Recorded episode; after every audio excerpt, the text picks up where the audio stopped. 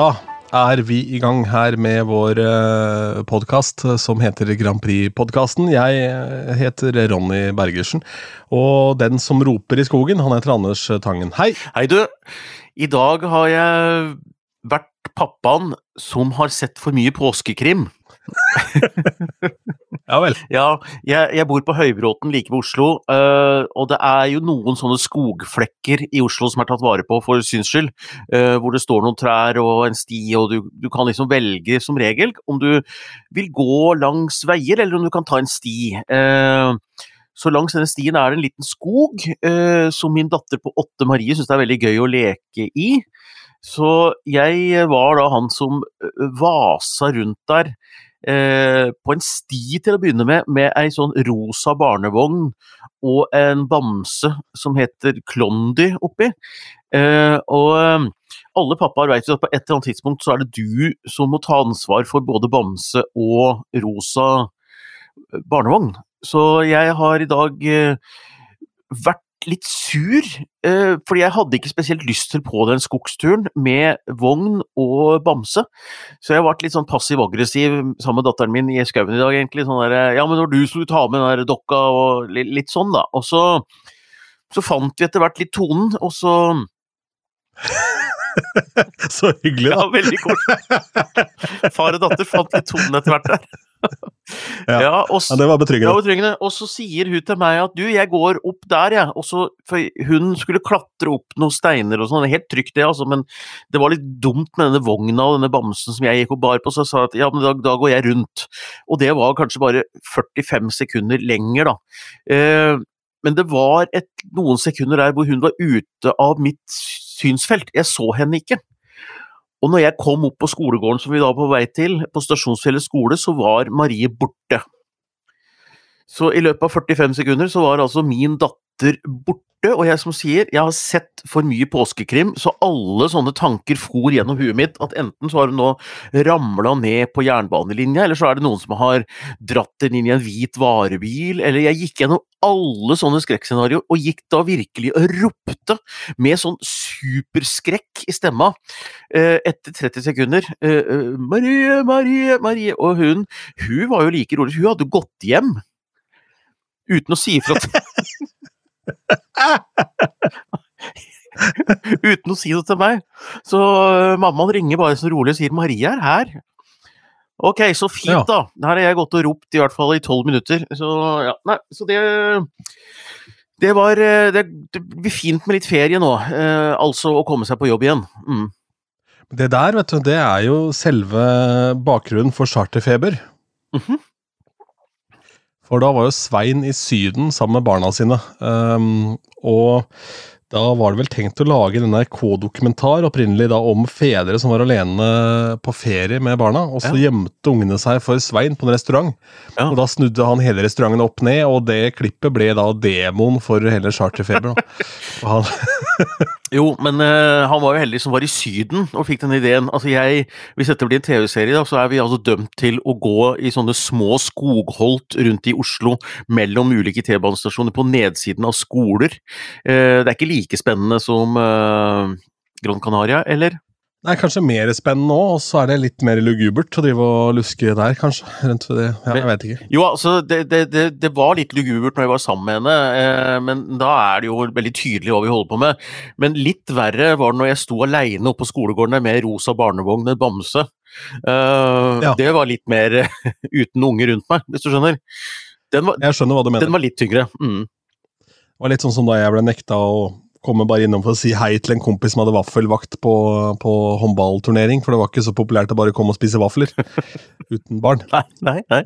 nei, det er noe med det, altså, at uh, det er uh, det er litt synd at det skal være sånn, fordi vi trenger jo et mangfold av typer folk, da. Også de som ikke har barn, bør være velkommen på vaffelpartyer, syns jo det. Jo da, jo da. Det var vel ikke vaflene som var problemet. Nei. Det var vel kanskje alle de ni år gamle ja. jentene som spilte håndball. Skjønner, skjønner, ja, skjønner det. Ja. Men, men. Ja, er så derfor ropingen i skogen, ja. ja. Uh, ellers da, vært en bra påske? Ikke sånn veldig. Uh... Nei vel. det har vært helt greit. Hardt. Nei, hva skal jeg si? Jeg, jeg regner med at det spørsmålet kom, og jeg tenkte hva skal jeg svare? Det har vært helt greit. Jeg har kjeda meg og vært hjemme og um, spist uh, litt sånn tørt lammelår som jeg greide å oversteike. liksom Skulle ha lammemåltid som jeg inviterte broren min på og sånn. Så eh, utover det så har det ikke skjedd noe spektakulært. Jeg har sett påskekrimmen 'Hendelser ved vann'. Uh, og så har jeg sett selvfølgelig 'Fjols til fjells' fra 1957. Eh, ja, ja. det må regne med. Ja. Nei da, men det har vært helt greit. Men det er sånn, det er ikke noe å skrive hjem om, egentlig. Det har vært helt uh, ryddig, og, ryddig og greit. Godt å ha litt fri og um, se litt Eurovision-ting. Enn du? Ja. Nei, jeg har jo da primært jobba. Jeg jobba jo de tre dagene før påske som vanlig, og så hadde jeg da eh, en sånn påskebingo på onsdagen der, eh, hvor eh, jeg hadde gleden av å da ta med noen på en liten reise inn i helvete. Det var Oi. litt ålreit. Ja, hvordan gjorde du det? Ja, for der kom det da et par eh, med noen sånne jakker med masse strykemerker på, så de kom rett fra Infernofestivalen. Oh, ja. Og der hadde vi påskebingo med følgende kategorier. Det var jo da påskekategori, påskemix som jeg kalte det, med blant annet Jan Eggum. Nei, nei, nei. Og i tillegg Pointer Sisters med I Am So Egg-Sighted. Ah, Eh, og påsketur med Øystein Sunde, men så var det to forskjellige kategorier med afterski-musikk og litt sånn forskjellig, da, så det var jo ganske tung eh, seanse der. Eh, og der kommer de rett fra da Skandinavias største og beste ekstremmetallfestival og hit, da. Så det var klart, det var jo som å være i helvete det, når du fikk noe Freddy Kalas over anlegget der. Det var jo ja, men var det vellykket? Totalt sett? Ja da, absolutt. absolutt. Og det viste seg jo etter hvert at de hadde en agenda, dette, disse folka som kom fra Inferno. For det var en ny kar på opplæring på denne baren av Barcode i Lillestrøm som eh, var deres avkom. Eh, Så det var jo veldig hyggelig. Var deres avkom? Er det mange om Altså eh, hvor, hvor Grunnen til at de kom fra Infernofestivalen til Lillestrøm på denne påskebingoen, var fordi sønnen deres jobba i baren. Han var eh, under opplæring, så det var ja, Sønnen deres altså Det høres liksom ut som det er et slags sånn gruppeprosjekt å skaffe seg barn. Altså Det høres liksom ut som at hele Inferno Å ja, sånn ja. ja. Ja. Nei. Ingenting med det å gjøre. Ingenting med det å gjøre. ok. Men eh, de bodde, bodde i Houston i USA, så var hjemom en eh, tur. Ja. Da skulle de sikkert si hei til poden, samtidig som de skulle få med seg noe ekstremmetall og en afterski-bingo med Bergersen på onsdagen. Ja, men det er koselig. Altså, det er jo eh, Du må jo avslutte med litt eh, Freddy Kalas etter, for å ha balanse i livet. Balanse er viktig. Ja, nei, Og så spilte jeg Oslo på torsdagen, hjemme i Askim. Stappa sjappe, kjempegøy på lørdag. Og så var jeg en tur i Moss på Nei, på fredag, mener jeg. Og så var jeg en tur i Moss på lørdag. Så farta rundt. I går så gjorde jeg vel absolutt ingenting. Jeg tror, tror jeg så ni episoder av Kongen befaler i UK i går. Det tror jeg så. Ja. Ja, men er det Altså, hva er det folk eh, danser til på gulvet for tida? Hva er det, hva er det som Nei, Det har jo gått mye afterski-varianter nå, da. Men jeg spilte jo um, tok en liten videosnutt av det også. Jeg spilte Alessandra i, og blei bra kokt der. Ja. For jeg regnet med at min venn eh, Anders Tangen hadde lest i Se og Hør at han spådde norsk seier. Da tenkte jeg da kommer sikkert den til å gå viralt, den videoen hvor folk danser til King of, nei, Queen of Kings. Ja. Så jeg regner med det. ja, det er Men ja, for du har jo geita deg til noe voldsomt i pressen nå. Ja, ja. Uh, går ut og spår norsk seier i En journalist fra det jeg trodde var Dagbladet, for jeg kjente han litt fra før, eh, og trodde det var Dagbladet jeg svarte. Og så plutselig kom de i Se og Hør først. Eh, så Ja. aller media som hadde kontakta meg, da. Og, eh, og for en gangs skyld så greide jeg eh, å svare litt sånn medievennlig. Altså at jeg tar jo alle mulige sånne forbehold, vet du. Altså det er litt sånn derre For du kan jo selvfølgelig ikke være sikker på at Norge vinner. Altså, det, det, men det skjønner alle. Men for at de skal få en overskrift, og for at det skal bli litt kult, så må jo noen bare kline til. Og jeg tror jo faktisk at Norge vinner. Jeg tror det, men jeg kan jo ikke være sikker på det. Og det ville jeg sagt mye tydeligere før, at dette er usikkert og bladi, bladi, bla. Men uh, nå valgte jeg bare å gå rett på. Finland de kan ryke i semien, og Norge kan vinne. Det er to litt sånne upopulære, eller ikke upopulære da, men to litt sånn ja, litt ballsy, da. Fordi du legger jo på en måte huet ditt på blokka. Du gjør jo det, fordi at du får jo høre det etterpå, selvfølgelig. Eller for så vidt nå òg. Det er jo Ja. det, er jo Men, noen eh, som, det er jo noen som slenger med leppa til, til folk som uttaler seg. Ut, ikke noe gærent, altså. Ikke noe sånn uh, stygg hets og sånn, men altså, folk syns det er litt uh, Folk er ikke enige, da. de, de som har vært borti deg, de skjønner jo det at du har jo store nok problemer som det er, om ikke du skal få hets for at du har uttalt deg i media. ja, jeg, ja, jeg opplevde det én gang i 2010, for da valgte jeg å rose Per Sundnes for hans innsats som uh, eh, MGP-general. Uh, ja. da, da, fikk jeg veldig mye rart, altså. Det var et eller annet. Der var det en øm tå, plutselig. Da kom det meldinger inn på mailboksen og sånn at det var det en kompis som ringte 'Går det bra med deg, eller?' Altså, det var litt sånn, ja, det går helt fint. Ja, Men da fikk jeg smakt litt på det. Nei, sist observert alene med barnevogn og bamse opp på en skole, liksom, det er klart, det er jo ikke bra. Nei, nei, det er jo ikke det. Kom rett ut fra fjols til fjells. Mm. Ja, ja, ja, ja. Med gamle, gamle referanser fra 57 og rett opp på skolen her med barnevogna aleine og står og brøler og skriker på en eller annen Marie som ingen har sett. ja, det er ikke bra. Nei da. Uh, nei, men, nei, men uh, det som uh, litt om dette med norsk seier, da. Altså, grunnen til at jeg tror på det, det er at vi ligger så stabilt i oddsen, og for at du skal kunne vurdere Norges vinnersjanse, så må du på en måte spole tilbake til begynnelsen av februar, fordi at låta vil være like fersk for de fleste som ser på Eurovision da, som den var for de fleste i februar. Og det er jo mm. den låta av disse her favorittene som slo raskest an, og som hadde en sånn eksplosiv eh, interesse der ute i markedet, da, med strømmetall og TikTok og alt sånn. Så eh, hvis de opplever det også for de som opplever låta for første gang i Eurovision, så mener jeg seriøst at det er den breieste låta av de som er favoritter. For Finland tror jeg blir for rar eh, for å bli den der folkelige greia som alle vil ha.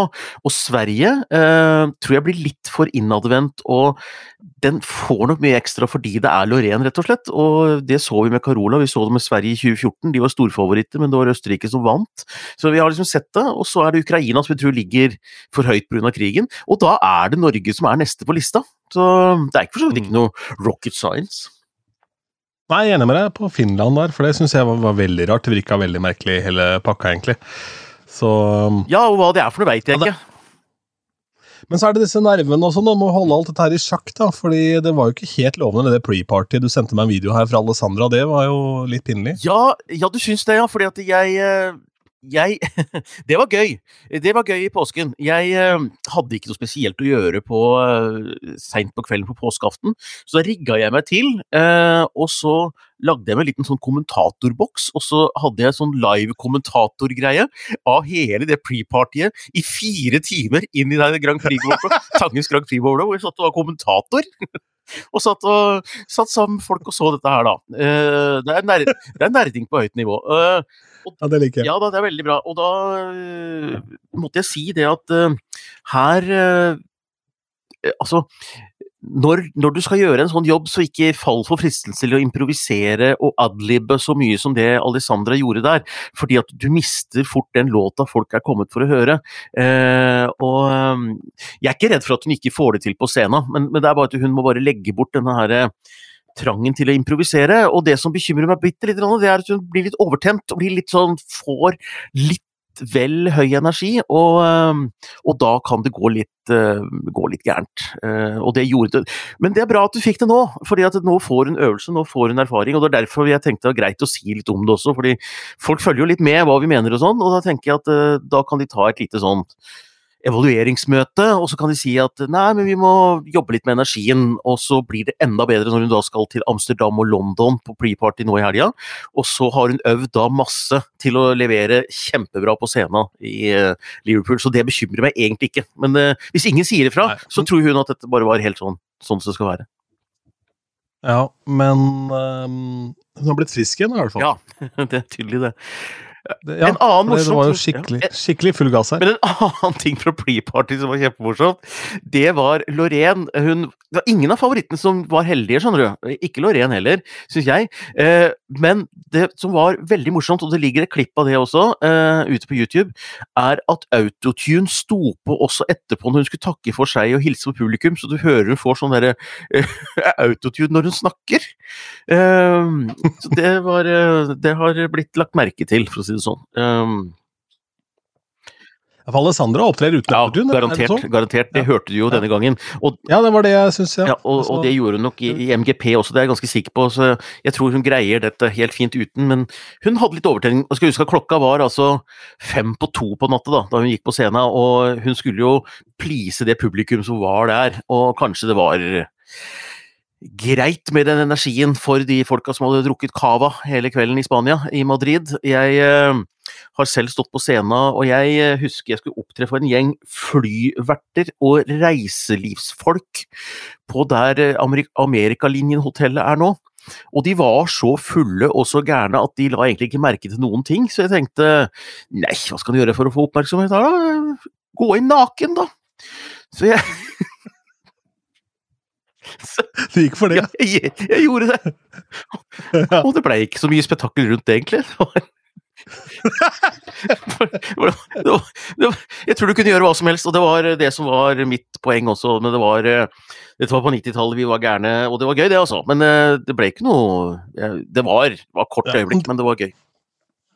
Det jeg hang meg mest opp i her, var jo egentlig bruken av ordet 'der Amerikalinjen hotellet ligger nå'. fordi dette er jo noe sånn monopol fra 1983, Ja. hvor eh, Altså, hva heter det hotellet i dag? Ja, da? det heter- jo ikke Amerika. Jo, jo, det, det er det de gjør.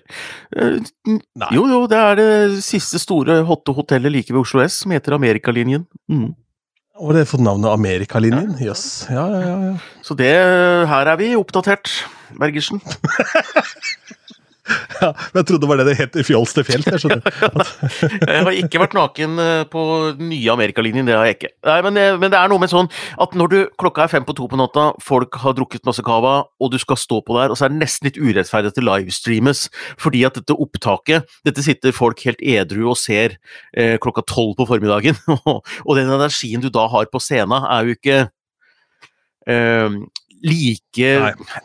like lett å skjønne klokka tolv på formiddagen. Så uh, Men for, for meg som ikke har noe stort forhold til disse pre-partyene, Mm. og så er dette da noe man er forplikta til å delta på? Er det noe man velger å delta på? Er det sånn at alle land er med? Nei, alle er ikke med, og du velger dette helt fritt. Uh, men uh, det har blitt flere og flere av dem. Nå er det veldig mange i år, og Alessandra er ikke med på alle, men hun er med på noen av dem. Og det er jo det er jo et fanarrangement som fanklubber arrangerer på egen kost og med sponsorer, og så får artistene reise opphold for å komme og opptre, da. Så nei da, du er ikke forplikta, og, og jeg er blant de som tenker at det er viktig at de er med på noe for å få litt trening og vise seg fram, men du kan ikke fylle hele programmet ditt med pre-parties. Altså, hun er 20 år, går på skole som varer i ett år, dette har vi nevnt før. Så hun må jo få litt ut av skoleåret sitt også, tenker jeg. Eh, Så ikke for enhver pris, men disse som er litt, pro litt profesjonelt produsert, er jo kult å være med på. London, Amsterdam, eh, Madrid. Ja, fordi det er jo en viss kvalitet her eh, som må stilles sånn teknisk, tenker jeg, for at det skal fungere. Ja, det er akkurat det, og det er dumt å nesten stille opp eh, der du veit at det blir dårlig teknisk. Eh, så Eller så fikk Ja. jeg Det er morsomt, da. Subwoolfer. Jeg har ikke kjøpt billett, jeg vurderer det, men det er litt sånn jeg vet ikke hvor spennende får det blitt, men altså, Subwoolfer har konsert i Liverpool mens jeg er der. Eh, ons, Mhm. onsdag 10. eh, mai, og det er jo den fridagen jeg har, da. Så jeg er genuint litt usikker på om jeg skal bruke hundrelapper og en kveld på Subwoolfer-konsert når jeg er i Liverpool og kan gå på en eh, spennende pub eller eh, Så der teller jeg på knappene, men det jeg syns er kult, da, er at Subwoolfer, til tross for avsløringer, til tross for dette her, har eh, konsert på en relativt stor konsertarena i Liverpool. Syns jo det er gøy, da. Ja, men det er vel kanskje eh, Om ikke på tross av, så til tross eh, Nei, skal vi se, altså hvordan blir På, dette på her? grunn av. Eh, For det er vel kanskje bare en fordel da, at Ben Adams har blitt avslørt som For de har jo en eh, god bråta med nummer én-hits eh, og topp ti-hits i UK A1. Det kan så gå- han er jo et veldig kjent navn der borte. Det kan godt være at det er rett og slett derfor. At det er eh, litt Hadde det vært Gautaur Ormåsen og Anders Tangen, så hadde det kanskje vært noe annet, liksom. Ja, øh, men øh, det kan jo hende at det er jeg som har, står der med den gule drakta, og at jeg bare later som at jeg ikke skal dit.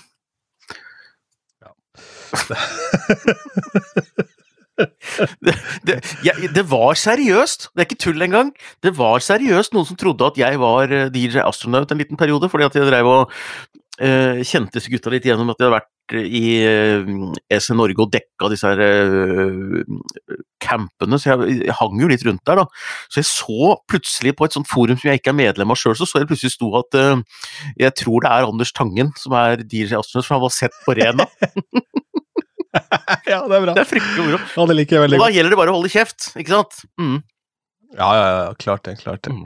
Det er Blodferske nyheter her for øvrig. For bare en time siden så posta The Sun, denne britiske avisa, at uh, det er da rykter om at um, selveste uh, Selveste um, Frankie Goes to Hollywood skal gjøre comeback under Eurovision. Ja, under Eurovision som at de skal være med på sendinga, eller i Liverpool i forbindelse med arrangementet? Altså, de er fra Liverpool. Ja. Um, og det har da, visstnok ifølge ryktene her, så har det da blitt spurt om de kan ønsker å opptre da på Eurovision Song Contest i deres hjemby Liverpool. Hmm, så gøy! Det hadde vært kult. Ja, nei, men jeg, jeg er der, jeg. Så det blir det Frankie Goes to Hollywood eller Subwoolfer, da. Så får vi si å gjøre et nennsomt, nennsomt valg. ja, men det er kult, da! Ja, det har jo vært ja, mye krangling der, da, for han Holly, Holly Johnson, vokalisten der, har jo saksøkt bandet og noe greier. Han vant vel den bataljen også for 20 år siden, eller noe sånt. Så det hadde i så fall vært en virkelig sensasjon om de, om de gjorde comeback da. For sist de gjorde noe sammen, var da for ja, 20 år siden, da, på sånn VH1 hvor bandet samles igjen, men da opptrådde de ikke live, så det er vel det som er det store nå, da. Så kanskje Ja, men det er kult, og jeg, jeg liker jo at um at Eurovision-planeten kobler seg på den ordinære musikkplaneten i Liverpool. Jeg husker da vi snakka, Ronny, om uh, disse her, uh, mulige arrangørbyene, så var vi innom Glasgow, og da hadde du en liste over Glasgow-artister som var litt Ja. sånn Måtte leite litt for å finne noen navn som var veldig relevante. Det var noen. Men i Liverpool er det mye enklere, for det er, det er jo et popmekka, og et uh, så, så det er jo litt spennende hvis ikke de blir så jålete at de liksom tenker at Eurovision er noe for seg, og så er den musikkscenen som er i Liverpool, er noe helt annet. Det er litt det jeg hadde hatt lyst til å utforske litt den onsdagen jeg har fri, på en måte, hvor jeg ikke skal på noe Eurovision-arrangement. Og henge litt rundt og se hvordan er stemningen i Liverpool, da. Uh, på andre steder enn de som er Eurovision offisielt. Mm. Men jeg tror vel at hele byen er farga av det arrangementet akkurat den onsdagen her allikevel.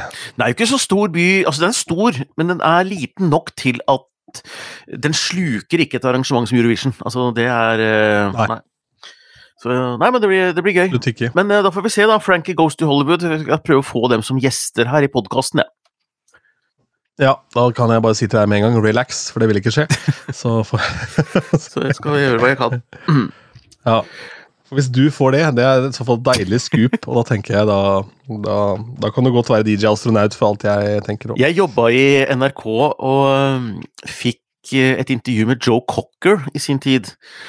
Og så um, Han sang til og med. Uh, han, han pleier ikke å gjøre det på sånne intervjuer, men jeg fikk han til å synge litt på norsk. En sånn der, det er veldig gøy å få en liten sånn kutt av Joe Cocker som synger en hilsen til nattradioen i NRK, ikke sant, som jeg jobba i da. Uh, Arild Rio Eriksen var med meg, for han skulle Han var da plate han var ansvaret for platesamlingen i NRK på den tida der, så han satt litt sånn bak meg og var så og så Fader, Anders, du fikk han til å synge! Det var helt fantastisk! Fikk han til å synge! Utrolig Fantastisk at vi har dette på teip, liksom! Ja, så jeg, det var jo ja, ja, det gøy, det. Det var ikke på teip, det, vet du. Det var et eller annet jeg hadde knota med hele båndspilleren, så jeg hadde ingenting med jeg kom. Så Når var dette her? jeg var rundt 1992 eller noe sånt, kanskje. Det var da han var stor Ja. med samlende Det er nettopp det. oh. For eh, når du nevner Joe Cocker, så må jeg ta en uh, siste historie her uh, avslutningsvis. da.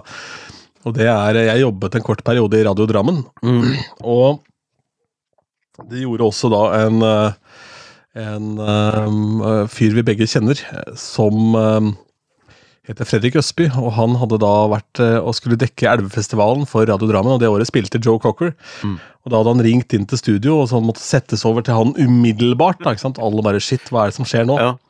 For da hadde han fått tak i lydteknikeren til Joe Cocker. ok. Ja. Ja, nei, det er, eh, nei, men jeg har hatt han live. Heldigvis så har jeg vitne på det. Liksom. Men uh, det er jo ingen, ingen Ja, som bryr seg om sånn, denne historien. Men uh, Du har vitne på din udugelighet. ja, det er rett og slett det. Ja. Ja, eh, ja, apropos gamle radiohistorier. Var i den tiden det var båndspillere, 90-tallet, hvor jeg også intervjua Thorvald Stoltenberg. Eh, hvor det var så dårlig batteri på spilleren, og han hadde dårlig tid, så vi måtte bare bruke den spilleren vi hadde. En sånn Nagra båndspiller. Så det var litt sånn slurvete bånd. Eh, var litt sånn slurvete, som- som teknikeren sa, så nå var det flaks at det var Thorvald Stoltenberg, for han snakker jo litt sånn. Så han ble enda mer grøtete i det intervjuet der om eh, Balkankrigen, husker jeg. Båndet var utydelig. Men uh, vi må vel ta et par ord om uh, sånn, uh, denne remixen til Alessandra. Det har kommet en, en remix av Tungevåg og Da Tweakas. Ja, de er jo ganske kjente i Um, miljøet, har jeg skjønt. Jeg kjenner ikke til dem i det hele tatt, men jeg har skjønt at de er ikke noen smågutter, det. Nei, altså, i hvert fall Da Tweakas det er jo å regne som, eh, som uh, rojaliteter innenfor det som heter hardstyle. Altså, det er jo en av de største profilene innen den sjangeren. Og det er jo en sjanger som er veldig spesifikk, men stor uh, innenfor sitt segment. Det har sine fans alle steder i verden. Og de kan headliner av store festivaler med denne sjangeren hvor som helst hvor de reiser, disse gutta, som en gang i tiden spilte i Askimhallen 16. mai, hvor jeg var oppvarming. Yes, Det er mange år siden. Der hadde vi et interessant eh, opplegg. Det var jo Natteravnen som arrangerte sånn rusfritt opplegg, og da spilte jeg og var konferansier hvert år. Og så hadde vi det ene året da Twikas, eh, År to tror jeg det var Venga Boys. Det var det samme året som eh, Rybak vant. Mm. Uh, året tre så hadde vi, hadde vi Askild Holm, så det var veldig merkelig. Ja, det Ok. Hører ikke noe sted hjemme, egentlig. Nei. Men det er ikke så nøye. Nei, nei, nei. Det var det som var tilgjengelig. Ja.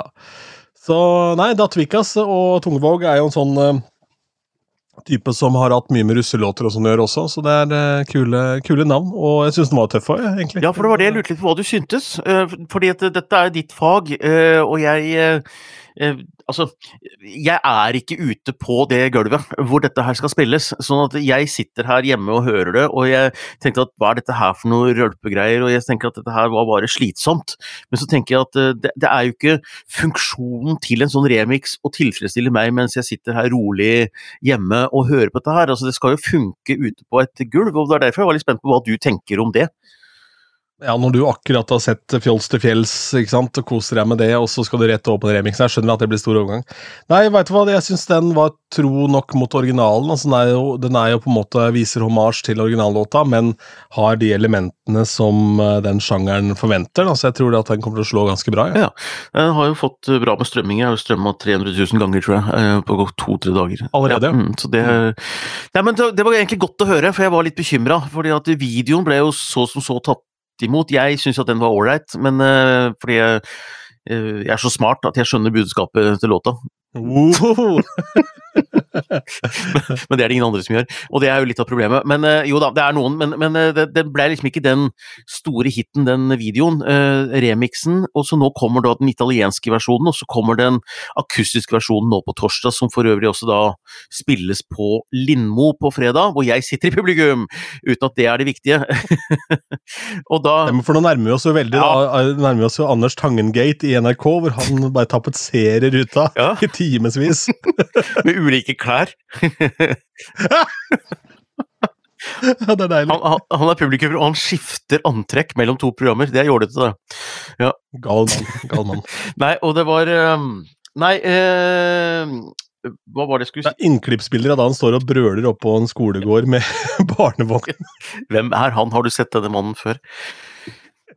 Ja, nei, da, og da slippes denne akustiske versjonen på torsdag, og den framfører hun i Lindmo på fredag. Og den eh, kommer sikkert også på Spotify. Og jeg tror at det er flere sånne øyeblikk nå framover som gir den låta litt momentum. Uh, så uh, jeg tror vi er i løype til å kunne gjøre det bra. Og jeg uh, Akkurat før vi begynte nå, Ronny, så fikk jeg en fantastisk hyggelig nyhet fra ESC Today, som er et av de største nettstedene på Eurovision-stoff. Eh, Det er jo to sånne grupper av fans. Altså Det ene er OGAE, som er den gamle traktoren, eh, Grand Prix-klubben, som gjør kjempejobb og ordner billetter og alt sånt, men så har det kommet en Kall det gjerne konkurrent, som er litt større, faktisk, som heter INFE.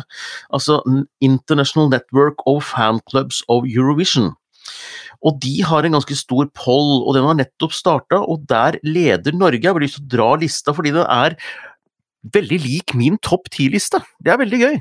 Eh, det er altså da på tiendeplass Østerrike, på niendeplass Øst, eh, Australia, på åttendeplass Sverige, på sjuendeplass Albania, på sjetteplass Spania, på femteplass Georgia, på fjerdeplass Moldova, på tredjeplass Hellas.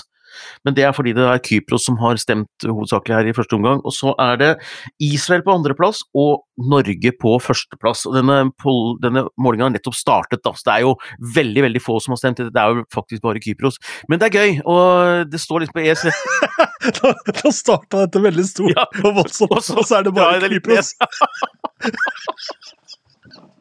Så, så da, da, kan vi konkludere med at Kypros og Tangen har, har, samme preferanser. Ja, ja.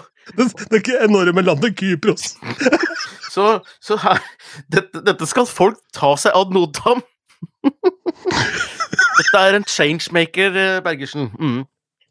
Det er greit. Men det, men det har det tror jeg, tror. Nei, men, det, men, i den andre klubben, da, så Grand Prix-klubben, som for øvrig da har sitt vårlige treff nå på lørdag, eh, det blir alltid hyggelig, eh, det er jo De har kommet litt lenger i målingene sine, og der ligger vi rundt en tredjeplass, og der er det Sverige som leder. Så det er vel grunn til å tro at eh, det, det ja, altså det ligger vel et sted rundt der, da. Men disse fanklubbene, det er ikke alltid at de treffer, skjønner du. Det er Noen ganger bommer de spektakulært. Jeg har sagt liksom at uh, du må ta lista til Grand Prix-klubben og så må du snu den opp ned. Da kan du få en omtrent peiling på hvordan det går i Eurovision, fordi de har en fansmak. Så jeg er egentlig litt redd ja, for at hvis Norge blir altfor populær blant fansen, så blir det lett det man kaller for en uh, fanwonk. Uh, fanwank? Fanwonk? Hva, hva heter fanrunk på engelsk?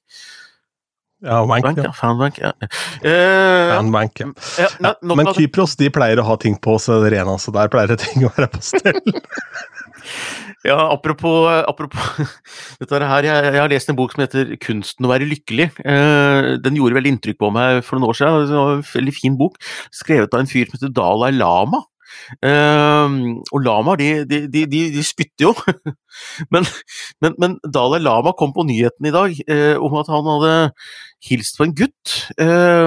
Hvor han, hvor han, strakk ut tunga si, en elleve år gammel gutt uh, som hadde spurt om å få en klem av Dalai Lama. Da hadde Dalai Lama strukket ut tunga og, og bedt denne elleveåringen suge på tunga hans. Eh, han har vært ute og beklaget dette her i, i det siste, da, men eh, det, det, det, det, var liksom en sånn nyhet som kjente gjorde inntrykk fra denne boka som er liksom så rein og vakker og, og flott og sånn, til en mann som liksom noen og 80 år, så stikker ut tunga si og sier 11-åringen 'sug på tunga mi'. Det, nei, han sa det var kultur, men han beklaget i etterkant. Men det er mye rart, for å si det sånn.